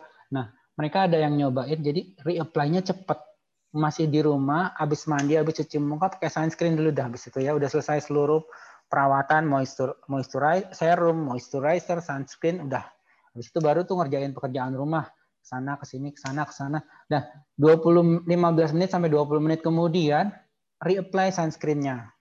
Habis itu baru pakai sunblock. Itu di, dikatakan bisa tahan lebih lama. Jadi sekarang pakai sunscreen 20 menit, pakai sunscreen lagi itu tahan lebih lama. Atau cara lain pakai sunscreen sekarang nanti di, di, udah di luar udah aktivitas dua jam tiga jam reapply lagi. Cuman kalau yang ini nggak enaknya kita mesti pakai makeup lagi kan. Ya. Oke, semoga terjawab ya Mbak Ella. Nah, selanjutnya dari Bu Nurul Anissa, eh, selamat sore dokter. Apakah yang tergan, eh, apakah yang terkandung dalam krim UniHealth itu aman untuk ibu hamil dan krim yang aman itu berapa bulan baru bisa kelihatan perubahannya? Terima kasih dok. Kalau yang UniHealth tadi saya lihat sih aktif eh, komposisinya aman ya, aman untuk ibu hamil untuk vitamin C aman, azelaic acid aman, Terus ada yang lain tadi itu uh, albutin juga aman ya, aman untuk ibu hamil. Biasanya kalau yang dijual OTC aman untuk ibu hamil. Kemudian uh, berapa bulan baru kelihatan perubahan? Tergantung, tergantung bahan aktif mana. Hidroquinon cepat. Hidroquinon dalam tiga minggu udah kelihatan mukanya lebih cerah. Kemudian yang lain-lain agak lebih lama. Ada yang sampai 12 bulan baru kelihatan perbedaannya. Ada yang sampai 8, eh, maksudnya 12 bulan. 12 minggu. Hidroquinon dalam tiga minggu udah kelihatan ada yang uh, kayak azelaic acid ya sekitar segitulah. Jadi beda-beda. Yang penting kita bukan kayak makan cabai begitu makan langsung terasa pedesnya. Kita mesti rajin. ya. Iya, mesti rajin juga mesti jaga juga terutama sinar matahari. Selain kita ngobatin juga proteksi ya sinar matahari uh, supaya nggak jadi flek lagi. Iya, oke. Terima kasih dok. Nah selanjutnya dok, uh, selamat sore dokter mau tanya. Oh sorry dari ibu. Uh... Oke, ini uh, Bu Margareta. Selamat sore dok, mau tanya apakah BI itu bisa digunakan untuk kulit super sensitif? Uh, terus dan bagaimana petunjuk penggunaan apabila kita juga melakukan perawatan wajah di klinik uh, mikro mikrodema dan oksi. Apakah kita apakah harus dihentikan penggunaan sebelum dan sesudah perawatan, Dok? Jadi uh, apakah BI itu ini bisa ke super sensitif? Yang yang namanya super sensitif agak repot. Dengan apa pun kadang-kadang dia bisa uh, iritasi. Yang penting dari uh, kita lakukan adalah uh, kita harus uh, ini sih biasanya ya biasanya kalau untuk pagi krim pagi krim siang lebih aman nggak terlalu nggak terlalu iritasi. Sabun juga untuk sabun gentle cleanser. Dia yang eh, bukan AHA tapi polyhydroxy acid yang ukuran molekulnya lebih besar. Jadi dia nggak masuk sampai ke bawah-bawah kulit banget nggak memicu iritasi gitu ya Dilihat aja nanti ada polihidroksiasid, ada alfa hidroksiasid. Kalau alfa hidroksiasid, apalagi konsentrasinya tinggi, biasanya lebih bikin iritasi. Tapi kalau polihidroksiasid, dia nggak bisa nembus sampai bawah, jadi nggak bikin iritasi. Terus kemudian krim malam, terutama yang sering kali bikin iritasi. Seperti tadi kan ada saya sebutin tuh, eh, arbutin pun ada yang efek iritasinya, jelek acid juga ada. Tapi kalau kita tetap mau pakai, gimana caranya? Kita bikin tes aja dulu. Di bagian sedikit dari bagian wajahnya dites, dipakai. Dok uh, seminggu pemakaian gimana? Iritasi nggak kalau nggak ya bisa dilanjutin. Untuk daerah tertentu misalnya bisa kita coba di sini atau di di mana gitu ya. Oke ini pertanyaannya banyak banget dok. Eh dan itu saya udah setengah empat loh iya praktek iya loh. iya. Uh, saya paham. Mungkin satu pertanyaan boleh dok terakhir? Iya boleh. Oke ya. Terakhir dari uh, Bu, uh, Pak FX uh, Pak Kus, bagaimana mengukur perubahan kulit? Apakah hanya feeling saja atau ada standar alat ukurnya, dok? Yang kedua, unsur apa yang bisa uh, kita blow up dalam produk BI itu dibandingkan produk sejenis agar menarik untuk uh, pembeli BI itu? Nanti yang pertanyaan kedua mungkin dari Mbak uh, Priska, ya. yang pertanyaan ya. pertama aja dari dokter. Uh, sebenarnya di kita di dunia dermatologi ini ada banyak pengukurannya, makanya mereka sering melakukan penelitian tentunya harus bisa diukur perbedaannya, perubahannya. Jadi ada yang namanya global global apa indeks gitu ya. Dan itu ada ada ukurannya gitu. Dan juga ada juga satu alat yang bisa mendeteksi gitu dengan sinar tertentu ini kedalamannya berapa. Ini uh, nanti setelah diperbaiki nanti misalnya pori-porinya akan bikin lebih dangkal dan itu ada ada alatnya sendiri foto khusus yang bisa kelihatan. Ternyata kalau dalam misalnya warnanya akan lebih cerah, lebih hijau-hijau, warna hijau-hijau terangnya akan lebih banyak gitu. Setelah di foto berikutnya warna hijau-hijaunya mulai-mulai pudar itu berarti mulai dangkal. Ada namanya. Saya tapi lupa apa. Dan ada juga yang di, uh, itu yang penilaian secara objektif. Ada juga yang penilaian secara subjektif sih yang dilihat dengan mata. Tapi biasanya bukan penelitinya yang menilai gitu supaya nggak bias gitu. Bisa di pasiennya sendiri atau siapa pun orang yang bisa dipakai untuk Eh, melihat ini berubah nggak sih gitu. Jadi ada dua, bisa dilihat dengan diukur dengan subjektif dengan penilaian mata orang, bisa juga dengan objektif dengan satu alat. Oke. Okay. Eh, okay. Yes, sekali lagi terima kasih Dokter Dianto sudah mau join gabung di webinar ini Health ya. Uh, kebetulan pertanyaan banyak, mungkin nanti next kita bisa join lagi ya dok ya. Oke. Okay, ya mungkin uh, itu dulu sementara dari kita. Terima kasih dokter sudah join di webinar Uni Health. Ya makasih semuanya. Iya oke. Okay. Saya sore dok. Saya izin untuk live ya. Boleh boleh boleh. Selamat, selamat sore semua. dok. Sore. Ya mungkin pertanyaan yang kedua bisa dilanjut sama Bu uh, Priska ya untuk uh, perbedaannya dibanding produk sejenis ya terakhir ya sebelum kita masuk ke sesi berikutnya. Oke Pak Raymond, aku uh, share screen lagi nih ya supaya jelas. Ya. Um, Oke. Okay.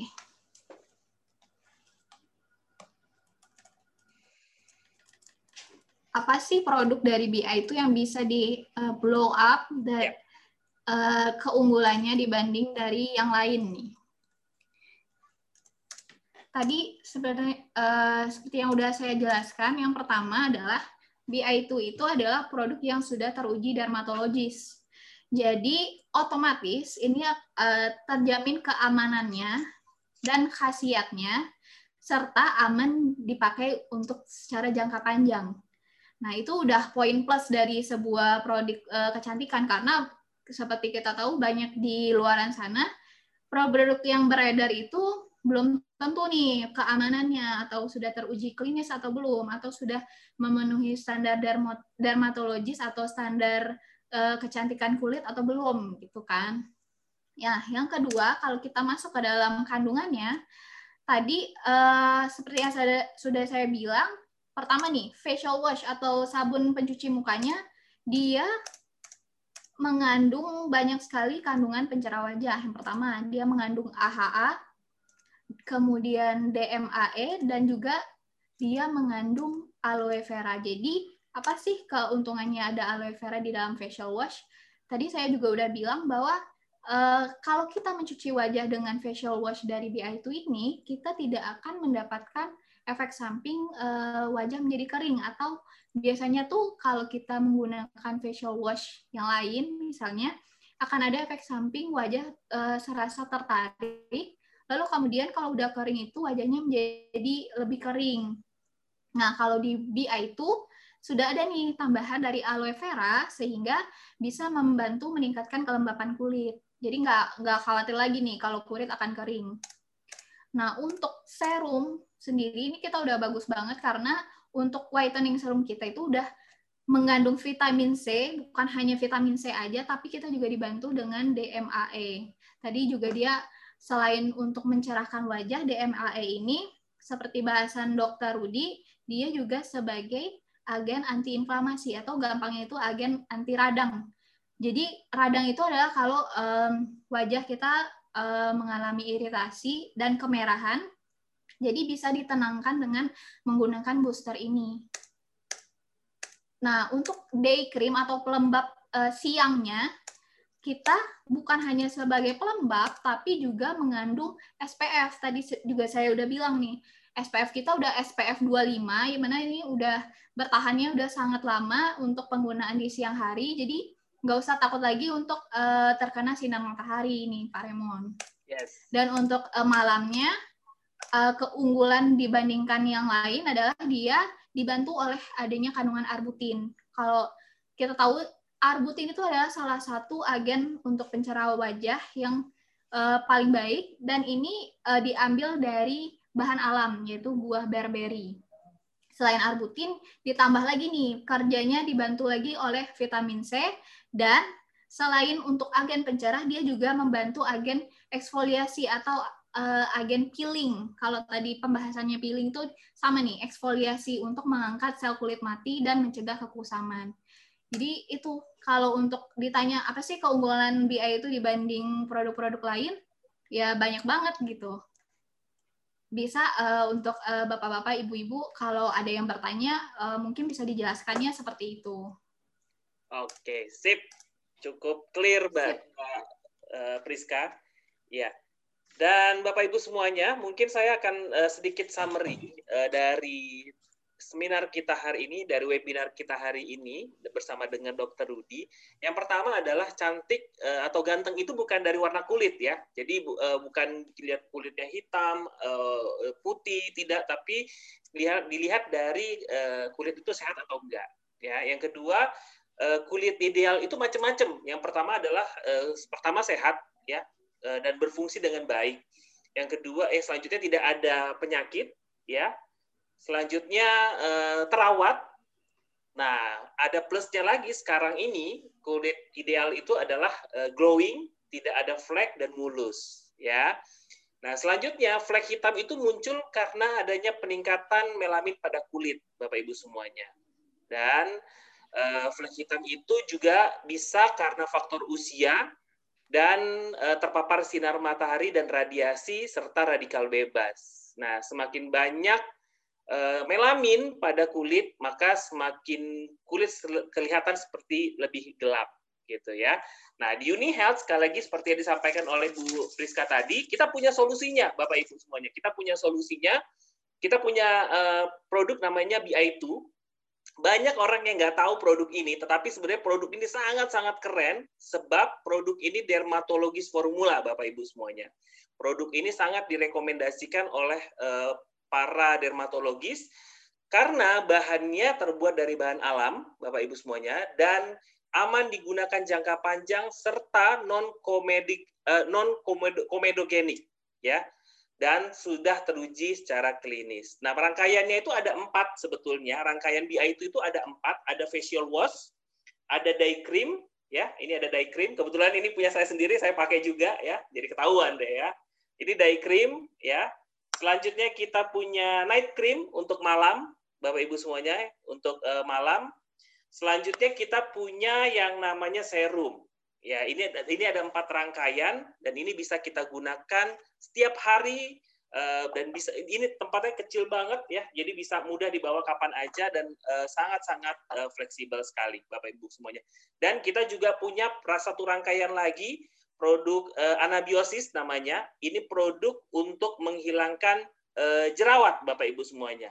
Khususnya yang banyak yang ABG ABG ya, yang lagi puber-puber ya, jerawat yang gede-gede. Nah, kita punya yang namanya anabiosis untuk uh, menyembuhkan jerawatnya. Dan hari ini juga Bapak Ibu semuanya, hari ini juga saya sudah kedatangan uh, orang yang spesial ya.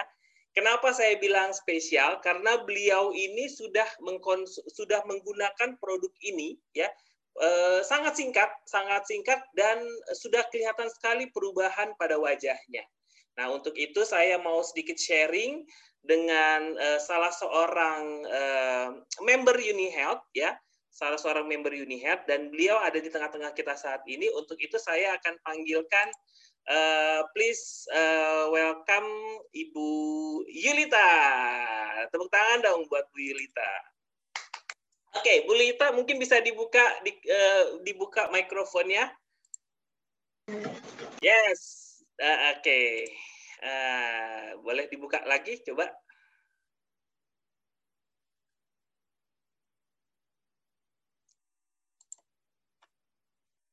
Boleh uh, Bu Yulita mikrofonnya boleh diklik mungkin? Ya, sudah Pak ah. Oke. Ya, apa kabar Bu Yulita? Ya, selamat, selamat sore. Sore, kabar sore, baik, Bu Pak. Apa kabar? Kabar baik. ya, Bu Yulita, ini mungkin ada sekitar uh, eh, 129 orang yang mau dengar testimoni ya Bu Yulita tentang uh, BI itu. Nah, mungkin Bu Yulita sempat cerita uh, berapa lama Bu, Bu, Bu, Bu Yulita uh, pakai produk ini dan mungkin eh, efeknya apa yang sekarang dirasain Bu, Rita? Mungkin bisa di-share sedikit sama teman-teman yang ada di grup ini.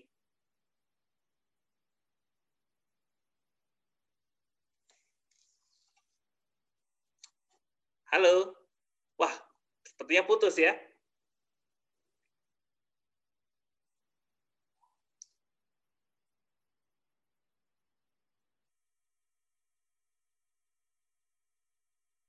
Ya, kita coba tunggu sebentar. Kita mau join lagi. Iya.